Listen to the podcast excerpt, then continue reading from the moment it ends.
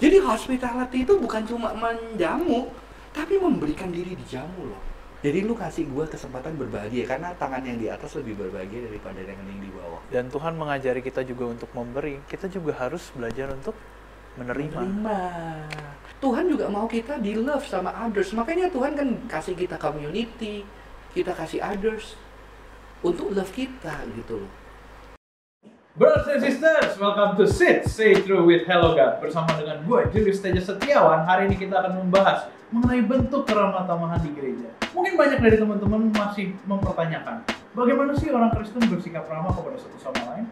Atau bagaimana sih kita juga bersikap ramah kepada orang-orang yang ada di luar gereja? Hal ini sering menimbulkan perdebatan, pertanyaan, dan juga kepahitan saudara-saudara semua. Jadi, tanpa menunggu lama-lama lagi, ayo kita bahas. Please, have a seat.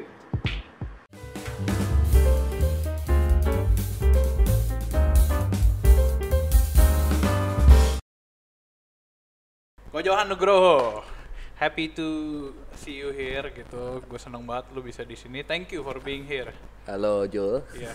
nice to meet you ya. Nice to meet you too. Kok mungkin eh, banyak teman-teman yang belum kenal Koko. Boleh Koko perkenalan diri dulu gitu. Oke, namaku Johan Nugroho, aku pembina youth, eh, Yut, yut. sing dan gua founder Vestige Community. Vestige community itu apa? Nah, jadi komunitas yang memberi ruang buat eh, teman-teman yang kadang-kadang berpikirnya lebih sedikit liar, yang kadang-kadang di gereja kadang-kadang kan nggak bisa gitu Oh, ya. jadi Sehingga lu ateis, Oh. lu lagi ragu sama Tuhan, lu bisa ngomongin hal apa aja di sono. Oh lebih kritis gitu Iya, ya. lebih Oh kritikal. ini mungkin platform yang bagus mungkin teman-teman Iya. boleh cek juga. Kok jadi hari ini sebenarnya eh, lu ada di sini. Secara khusus tuh kita mau bahas soal keramahan, Waduh, hospitality. Ntar dulu nih. Eh gila langsung siap lagi. kok eh, menurut kau sendiri keramahan itu apa sih kok? Gimana sih eh, bentuk keramahan gitu dari seorang yang satu kepada yang lain? Dari keramahan dulu gitu. What is keramahan? What is hospitality? Gue sih dapet dari kata hospitality ya. Sebetulnya kalau pakai kata terjemahan Indonesia kan keramah tamahan kayaknya kurang kurang kurang Greget. kurang greget karena hospitality itu lebih gede gitu loh. Jul dari kata asli philo senia. Philo itu love, senia itu stranger. Jadi cinta terhadap orang asing. Oh bukan gitu. cinta terhadap sesama. asing sama itu banyak tapi ini ada strangers jadi orang asing yang dan betul ya di dalam kata itu tuh kayak eh, cintanya tuh kelihatan secara menyediakan need fisik kalau di zaman zaman yang kuno itu lebih kayak nyediain makanan pakaian minuman jadi itu bener-bener kan ada orang stranger nggak ada hotel pada masa itu ketika ketemu itu kita bisa hospitable itu nyediain itu makanan minum gitulah Sampai sekarang. Sampai sekarang. lah justru sekarang lu bisnis-bisnis itu pakai dari konsep hospitality. Oh. Ketika kita klik, celakanya kita klik di di di, eh, di internet gitu ya, pakai platform tertentu kita klik keluarnya restoran, hospitality keluarnya restoran sama hotel. Hmm. Padahal itu sebetulnya prinsip yang dari Alkitab gede banget, banyak banget, bahkan i- mungkin dari awal sampai akhir ngomong hospitality. Hmm, menarik deh. Karena Iya. berarti berarti sebenarnya konteks zaman salah zaman sekarang itu salah ya. eh juga. bukan salah Enggak gitu. juga. Mereka menggunakan senjata yang yang keren sebetulnya, menggunakan harta yang keren yang kita punya sebetulnya. Cuma eh, mungkin kita udah nggak punya itu gitu loh. Ini menarik, ini menarik. Karena kalau lu bilang hospitality itu udah ada dari zaman dulu. Heeh, Bahkan di Alkitab aja tuh from kejadian to wahyu, all of it is hospitality. Hmm, Iya iya iya. Bentuk hospitality paling pertama di Alkitab gitu. Kita coba kita gali dulu yang itu tuh. Iya, paling pertama kalau gua ngerasa ya, sebetulnya kan kalau bapak hospitality itu dibilang Abraham. Lu tahu nggak ceritanya Abraham itu seperti ada orang asing tiga yang datang, iya. dia itu siapin makanan, dia buru-buru, dia Oh, kenceng. gua- gua ingat Wah, inget kan? Tapi sebetulnya kalau kita mau tarik lebih dalam, ketika Tuhan nyiptain manusia itu kan, itu kan kenapa manusia diciptakan? Kalau dulu jawabannya kan untuk memuliakan Tuhan gitu ya.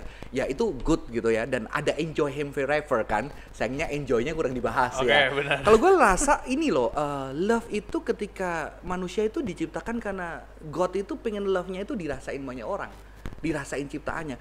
Dan di kejadian itu dia dikasih, lu bisa makan apa aja. Nih loh taman, lu bisa makan apa aja loh lu lu lu, lu ini ini indah banget. Nggak cuma taman view-nya enak gitu ya. Airnya seger waduh. God. wah itu Oh gila sih gitu kan. my itu God. hospitality. Mind blowing Iya ternyata. kan? itu aja hospitality, Hospitality. ya. Tuhan kasih makan. Coba Tuhan manusia nggak hospitable ya. dia dia Tuhan bilang "Eh, ini satu jangan dimakan. Ya kan? Hmm, iya. Anak gue pernah bilang sih Oh, iya. kenapa sih Tuhan ciptain? Oh iya benar. Kenapa Iya. sih Tuhan Kan ciptain? udah tahu itu kenapa nggak boleh. Gara-gara nggak boleh jadi dosa kan? Ya kan? Anak saya bilang, ini lu kurang ajar deh. Gue bilang gitu. Kenapa? Ya, papa beliin lu buah banyak, terus papa bilang ini punya papa, tolong jangan dimakan di Oke, kulkas. oke, Lu make jangan sense. makan. Terus anaknya bilang, kan punya papa pasti lebih enak. Kenapa lu curiga sama gua? Gitu kan? lu ngerti gak sih? Iya kan? Lu curiga sama gua, emang gua kasih lu yang racun-racun yang jelek-jelek, papa yang paling enak gitu kan? eh ini ini perumpamaan bagus Iya, banget kan? kurang ajar ya make sense banget lo nih Iya. lo udah beli buat lo eh jangan dimakan nih sisanya buat lo dia makan iya, punya gue beliin gitu. mereka yang juga mereka suka dong, gitu kan. Masa gue kasih yang ulatan segala macam, no kan? Cuma cuma karena gue sadar gue berdosa, gue bisa bilang gini kalau misalkan gue jadi anak lu, gue bakal bilang ya kan papa bisa beli lagi. Bener gak sih? Iya sih, gue bisa beli lagi, gue bisa itu lagi. Tapi kan sebetulnya ada perasaan ini ya. Tapi ini kan kita juga nggak fair ya, pakai Iya. Tuhan pakai perasaan manusia. Betul, itu kan betul. semua cerita itu selalu terbatas ya. Betul. Cuma rasanya kan ada tetap walaupun gue bisa beli lagi, gue ada nggak sih kalau kita pas sedih lah ya. Kenapa sih lu nggak percaya gue? Justru sedihnya bukan karena buahnya. Iya. Lu nggak percaya gue sayang sama lu. Oh my god, itu Ya. dalam Jadi inti hospitality kan love. love. Sebetulnya bukan kita nyediain makanan bisa, tapi gue nyediain makan Yulius supaya Yulius eh, ngundang gue terus di Hello God. kan itu itu nggak hospitality kali, Iya, itu iya kan? Iya, iya. Itu kan gue menggunakan hospitality untuk untuk lu supaya itu Hmm. gue. Banyak orang Kristen kan, hospitality menunjukkan kasih. Maaf, kadang-kadang penginjilan itu pakai perbuatan baik. Hmm. Supaya apa? Supaya mau dengerin Injil. Gua gua gua sebaliknya lah. Kalau nanti kita digituin sama yang lain, kita mau nggak sih? Dia nolong kita buat kita untuk apa? Supaya kita mau denger beritanya dari dia. Wah, timbal balik. Jika kamu melakukan kebaikan kepada sesamamu, apa upahmu? Betul nggak seperti Iya. itu? Jadi jadi sedih sih sebetulnya itu kan kita diminta untuk mengasihi, bukan menggunakan kasih untuk dapetin sesuatu gitu loh. Kita Johan Nugroho sadar. 2022 saudara-saudara. Oke oke Gitu itu make sense. Keramahan eh, bentuk keramahan dari Alkitab tadi kan. Terus kita mau bahas kenapa eh, Tuhan Yesus Hmm. pas turun ke dunia ya kita udah jelas lah ya. Pasti Tuhan Yesus tuh menawarkan keramahan, Iya, kebaikan, iya, iya. mendatangkan mukjizat. Haleluya saudara-saudara. Cuman bentuk yang Tuhan Yesus tunjukkan gitu kepada jemaat-jemaatnya, orang-orang pada zaman itu gitu menunjukkan keramahannya. Apa sih yang Tuhan Yesus bawa gitu selain Injil? dia bawa dirinya ya dirinya. Justru Injil kan bicara dia bawa dirinya. Keramahan itu kalau di zaman dulu kan memberi ruang memberi ruang ya memberi apa ya tempat buat orang asing gitu kan. Tapi kalau gue lihat Yesus Yesus itu ada ada bahkan yang berbeda eh aku aku lihat kisah yang paling menyentuh aku tuh kisah Sakius Zakheus, Zakheus, lu tahu kan? pemukul cukai, Iya. pendek. Iya Eh, gue pernah lihat pohonnya tuh. serius Serius, serius. Lu pernah lihat pohonnya? bener pohonnya Poh, katanya sih pohonnya. Katanya. Bukan, bukan kabar. Beneran. Gue lihat pohonnya kan, gua, pas gue lihat first impression gue gimana cara dia manjatnya itu rongganya banyak banget. mungkin banyak oh Iya, gitu. bisa bisa manjat ya Nah makanya gue bingung, kok dia bisa manjat gitu kan? Oke itu gak penting, next itu kita bahas. perjuangannya kali ya. Ya. Mungkin ada yang ngangkatin ya, karyawannya ya. Oh, bisa jadi. kan dia gak punya teman. iya, iya, karyawan kan punya, kan dia duitnya banyak. Ah, ya make sense, Iya, boleh, kan? boleh, boleh. Gini, gini Oke, gue gue paling salut itu sebetulnya kan eh, kalau eh, Sakius itu udah nggak ada orang yang mau makan sama dia. Hmm. Karena apa? Nggak boleh makan sama orang fasik. Ayat Alkitab kan ngomong jangan kumpul sama orang berdosa, Oh. jangan kumpul. Jadi Paulus eh, Sakius itu pemungut cukai, dia nggak punya teman, dia makannya banyak, bisa makan sendiri, dia bisa beli apa aja, tapi nggak ada orang yang mau makan sama dia. Wow. Dan gue yakin ya waktu Yesus datang ke kota itu banyak yang naktir makan Yesus, betul nggak?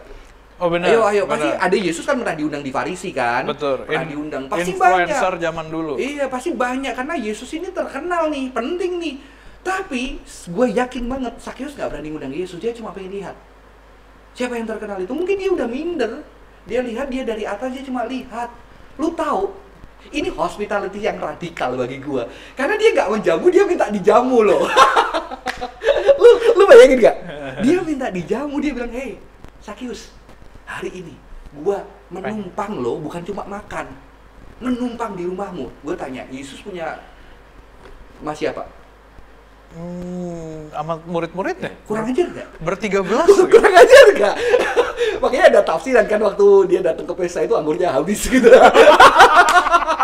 ada ada tafsiran itu karena bawa murid-murid gue pernah baca tuh ada tafsiran gitu. Makanya bertanggung jawab lo gitu kan.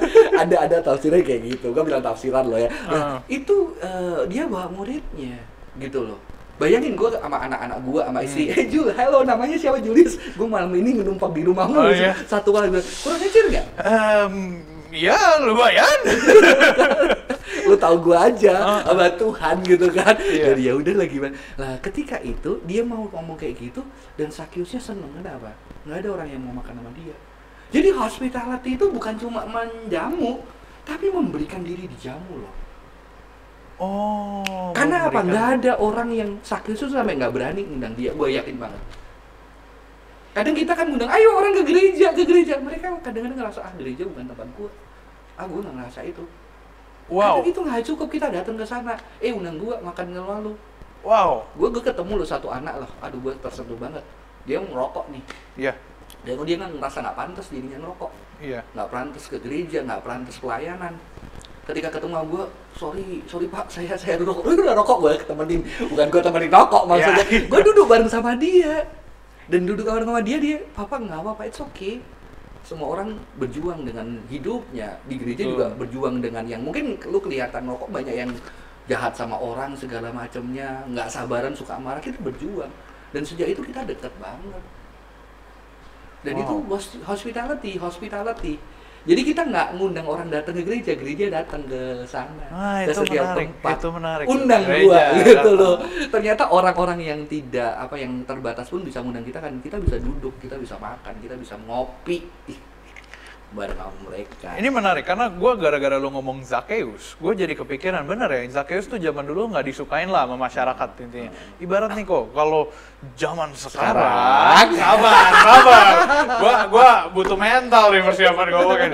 Zaman sekarang, gereja misalkanlah eh, tadi Koko bilang eh, di pemuda, Iya, ya di iya, pemuda, iya, iya. di pemuda lu mendapati ada 10 anak-anak muda suci tidak berdosa yang kerjaannya ke gereja setiap minggu. Nggak ada ya tapi ya. Maksudnya kayak pelayanan aktif semua aktif. Circle sendiri 10 Iya, kakak iya, setiap iya, iya, hari iya, iya. apa gitu. Renungan nggak pernah bolong. renungan nggak pernah bolong. Nah terus datanglah Julius dengan segala keburuk rupaannya. Ta- tambah tato ya, Eh, Jul? iya tambah tato. Eh, terus Anting-anting. itu anting. Datang ke gereja misalkan bajunya lusuh padahal bisa pakai baju rapi. Datang menggunakan sendal gitu. Datang tuk tuk tuk. Halo saudara-saudara. Dengan niat ingin eh gue udah diundang di gereja nih gue pengen datang. Tapi yang 10 itu akhirnya mikirnya gimana sih? Kayak eh ada ini nih jemaat datang ada orang datang. Tapi dia tampilannya gini akhirnya disambut dong. Iya, disambut iya, kan. iya, ah halo iya. beribadah. Kelar acara pas kakak. Iya kita tuh nggak boleh jadi orang yang seperti itu. Kita tidak boleh menjadi orang yang bertato datang ke gereja sendal jepit gitu-gitu itu itu ada kok itu real zaman Iya, sekarang iya, dan iya. dan misalkan seperti Dompetnya itu disembunyiin. dompetnya disembunyiin gitu misalkan kayak gitu tuh masih kejadian gitu Eh sampai jangan sekarang dompet lah, nggak ada isinya Jul. handphone, handphone. Iya ada handphone boleh. Nah maksud gua sebenarnya gimana sih cara kita mentreat kayak seseorang yang datang gitu. Kalau tadi Koko bilang kita tuh sebagai eh, anggota gereja kita harus mengambil, kita harus datengin loh. Iya, kita selain bisa ngejamu, kita harus mau untuk dijamu. Iya. Bagaimana cara kita kayak di depan orang orang-orang yang beneran mau nyari Tuhan dengan penampilan mereka yang, yang kurang baik. banget ya. Iya, Mungkin yang kadang-kadang ada gereja dengan kelas sosial tertentu, ada orang kelas sosial tertentu yang behavior dia juga nggak match gitu ya. Iya. Itu itu tidak mudah ya sebetulnya karena cultural kan, udah cultural kita nggak merubah, nggak bisa merubah secara cepat. Karena kan eh, strangers itu, strangers itu kan ancaman sebetulnya juga. Strangers itu ancaman. Strangers. Iya kan? Ancaman gini loh. eh, kadang-kadang kita tahu orang asing, udahlah nggak usah pakaian aneh-aneh. Kita aja udah terancam, betul nggak? Hmm. Sama strangers. Iya, iya, kan? iya. Tahu-tahu eh, sebelum gue kalau nggak tahu lu dari Hello God, tahu lu datang gitu ya. Walaupun lu nggak gaya kayak gitu, kita udah terancam. Gitu. Jadi kejujuran akan bahwa diri kita itu insecure itu perlu. Gue nggak nyaman loh sama orang kadang-kadang. Nggak Hmm. usah orang-orang orang yang gitu, orang yang biasa aja kita kadang-kadang nggak nyaman. Iya, bahkan Maka itu ada yang ketemu orang aja nggak Iya, nyaman. nggak nyaman. Ada, bener-bener. Maka di situ sebetulnya akhirnya kita punya pengetahuan gitu. Ketika kita punya pengetahuan, kita bisa lihat, oh ini dari Hello God. Kita lebih tenang. Oke, oh Hello God jadi udah tahu. Oh, iya. Oh ini tatoan seniman. Oh ini Oh. anak di sini. Jadi ini ya kadang-kadang konsep itu kita itu kekuasaan. Kita pengen nguasain orang lain, strangers. gue kuasain. Dengan gue tahu dulu siapa dengan gue tahu lu gue gua gua bisa kuasain. Jadi itu itulah manusia. Tapi manusia nggak bisa lepas dari itu kan?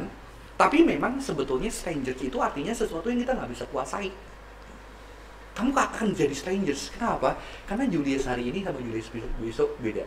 Hmm. jadi sebetulnya relasi setiap kita itu sama strangers. Wow, wow. Iya kan? Iya, itu Ya benar. kan? Justru justru di sini kita eh, kita lihat kecenderungan bahwa kita pengen nguasain orang lain, kita bikin batin kita tenang. Tapi kita juga lihat bahwa kita nggak pernah bisa strangers orang lain itu selalu strangers. Karena dia strangers, dia misteri, maka gua harus terbuka. Jangan-jangan Tuhan kirimin dia buat gua.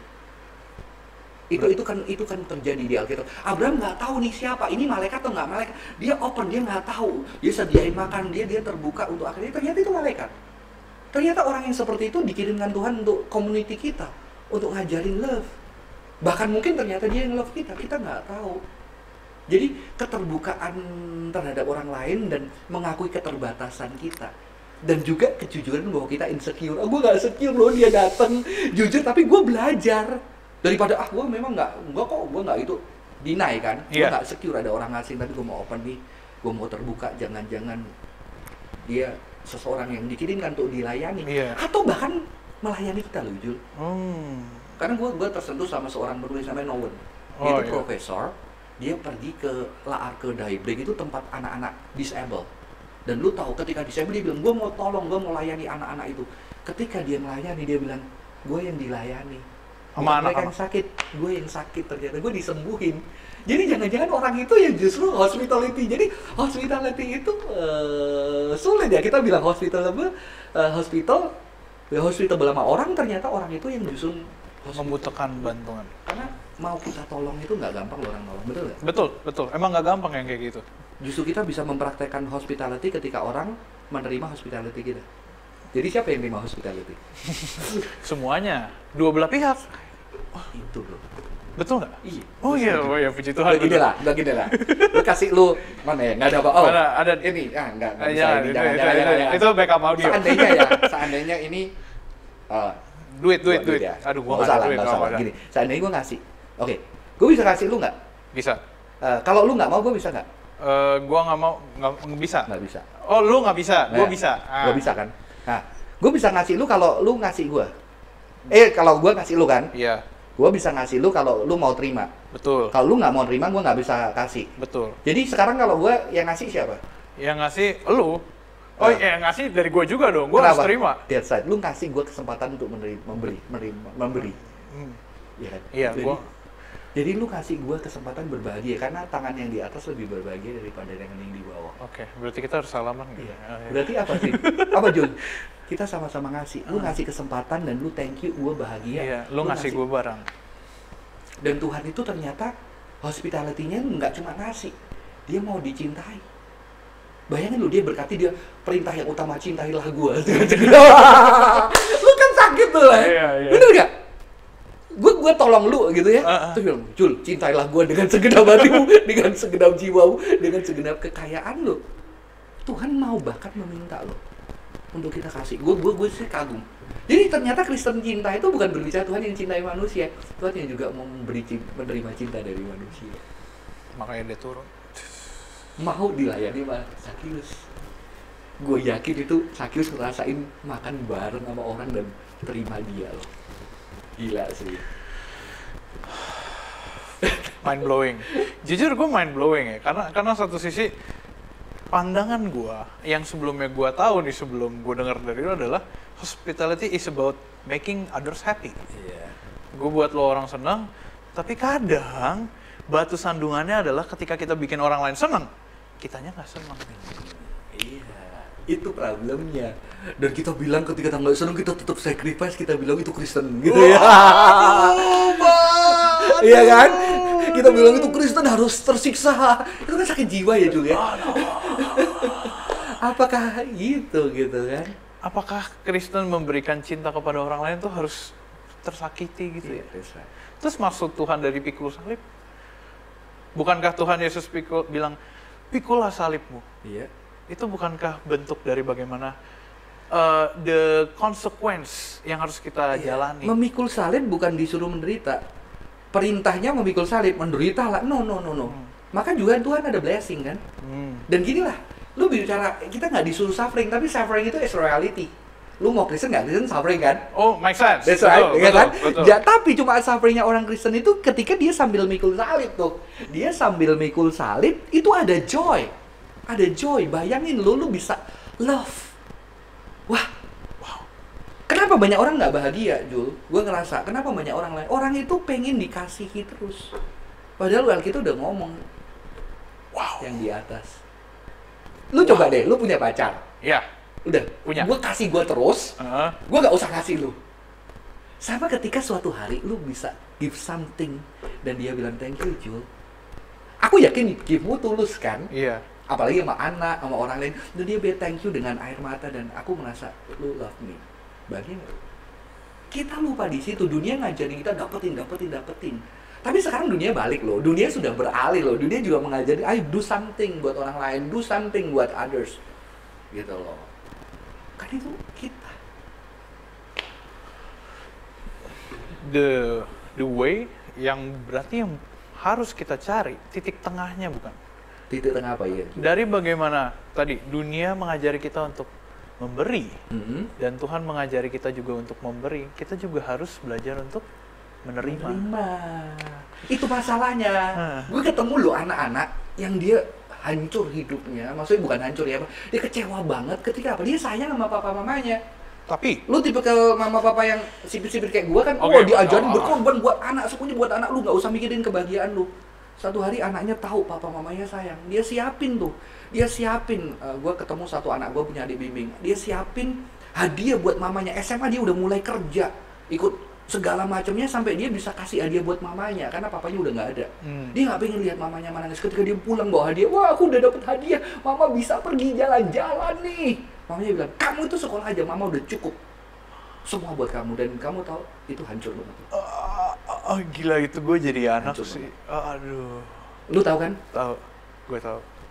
Dan Gue tahu mama papanya, mama sorry mamanya juga Tipe- bisa. gua tahu tipe Aku juga tahu mamanya juga terbatas mungkin. Mamanya juga cinta yang terbatas. Tapi mungkin ini gara-gara nggak pernah diajarin bahwa Tuhan juga mau kita di love sama others. Makanya Tuhan kan kasih kita community, kita kasih others untuk love kita gitu loh. Itu sih kita kita kurang belajar menerima juga Hmm. gitu loh. Maka itulah teman-teman, mulai sekarang terimalah. Jangan hanya memberi, tapi kalau kau cuman menerima, Iya, itu itu kurang ajar. Dia pakai pakai kata-kata ini untuk dapat yang Iya. banyak. Kalau kau cuma menerima, belajarlah memberi. Memberi. Iya, Life is about iya, balance. Bukan Oh. political tapi ya, Iya, kita belajar ya. Iya, Bukan cuma dibales ya. It's about love. Ya, that's right. Two ways ya, two ways. It's about giving and accept, eh, accepting. Bahkan Receiving. meminta loh, meminta. Asking. Yesus bilang apa? Mintalah, maka kau akan. Wih gila gue sotoy banget, tapi bener dong. Dan Yesus minta apa? Nggak bisa nggak kamu jaga-jaga sama aku satu jam aja? Dia butuh. Dia minta sama muridmu, bisa nggak kamu jaga-jaga? Wow, itu main Dia blown minta lagi. hospitality. Dan lu tahu nggak? Hospitality yang paling dahsyat itu bukan memberi makanan, pemberian diri. Jadi salib itu, Jul, itu pemberian diri. Bukan bukan lagi uang, bukan lagi berkat. Diriku tuh aku kasih buat lu. Lu, lu bayangin gak sih? Ah, Tuhan, apa yang bisa aku kasih untukmu? Ya, Anak-anak bakal sekarang. di anak- situ di situ yang gue lihat itu salib itu itu itu radical hospitality tapi radical inhospitality. In hospitality-nya di mana? Inhospitality ketika banyak kekerasan kejahatan orang yang nggak bersalah orang yang sayang setiap hari buat orang-orang itu. Gue yakin ketika dia di bait suci marah dia pun sayang sama orang-orang yang pemimpin agama Farisi itu. Orang sering bilang oh jahat dia nggak sayang dia sayang. Lu inget nggak peristiwa waktu eh, wanita mau dirajam batu? Ingat. dia bilang siapa yang berdosa rajam batu. Dan lu tahu kan orang bilang oh Yesus nyintai orang berdosa. Gue nggak gue juga percaya itu tapi Yesus juga nyintain yang rajam. Makanya yang rajam taruh batunya Hmm. karena mereka kan denger ajaran pelajaran agamanya dari kecil tuh dia taruh tuh dia tahu dia jahat tuh Yesus sayang Yesus pasti terharu ketika mereka taruh bener gak Oh, oh, oh itu Iya menarik kan? Itu menarik. Gak ada pendeta yang pernah khotbahin gue gitu. Maksudnya, gue gak pernah dengar cerita ini sebelumnya. Gua yang yang kita tahu center pointnya si cewek. iya Tapi Ya, buat orang-orang Iya. yang megang batu. Iya. Gue yakin sih. Masa Yesus nggak? Yesus cinta semuanya, tapi cintanya kadang dia cinta keras kan? Love, love strangers. Dia cinta yang cukup keras. Jadi, jadi eh, radical inhospitality adalah orang-orang yang untuknya dia datang itu, itu yang menyelukai di atas kayu salib. Dan dia diperlakukan benar-benar nggak kayak manusia kan? Tapi di situ hospitality tetap ada sampai nafas terakhir. Jadi radical hospitality muncul di tengah radical inhospitality. Oh my god. Dahsyat kan? Bener kan? Sabar gue proses dulu bentar. ya. ramah tamahan yang paling ramah itu ketika nggak ada ramah tamahan. Tapi se- sebalik lama, radical inhospitality terjadi puncaknya ketika apa? Di tengah radical hospitality harus terjadi, di situ terjadi inhospitality. Ingat Judas? Ingat, Judas, bunuh diri makan bukan. itu oh, tempat iya, benar. hospitality, meja makan. Pengkhianatan terjadi dari orang yang paling dekat di meja yang paling dekat. Makanya Leonardo da Vinci menggambar Yudas Iya. sebelah Yesus. Wah. Lu dikhianati temen lu yang lu jamu dimakan lu. Dan dikhianati dengan ciuman yang harusnya untuk keluarga. Berarti zaman sekarang sebenarnya betul tuh. Gimana? Orang-orang yang mengkhianati temannya sendiri, yang dekat gibahin dari belakang, Inhospitality. inhospitality. Tapi caranya eh, kalau udah dihianatin kayak gitu, terimalah pengkhianatan itu. tapi ternyata tetap ada ya akhirnya ketemu orang-orang yang di tengah lu dikhianatin ada orang-orang yang datang yang akhirnya lu ketemu yang benar-benar setia sama lu memberikan dirinya buat lu Ya kan? Mind blown.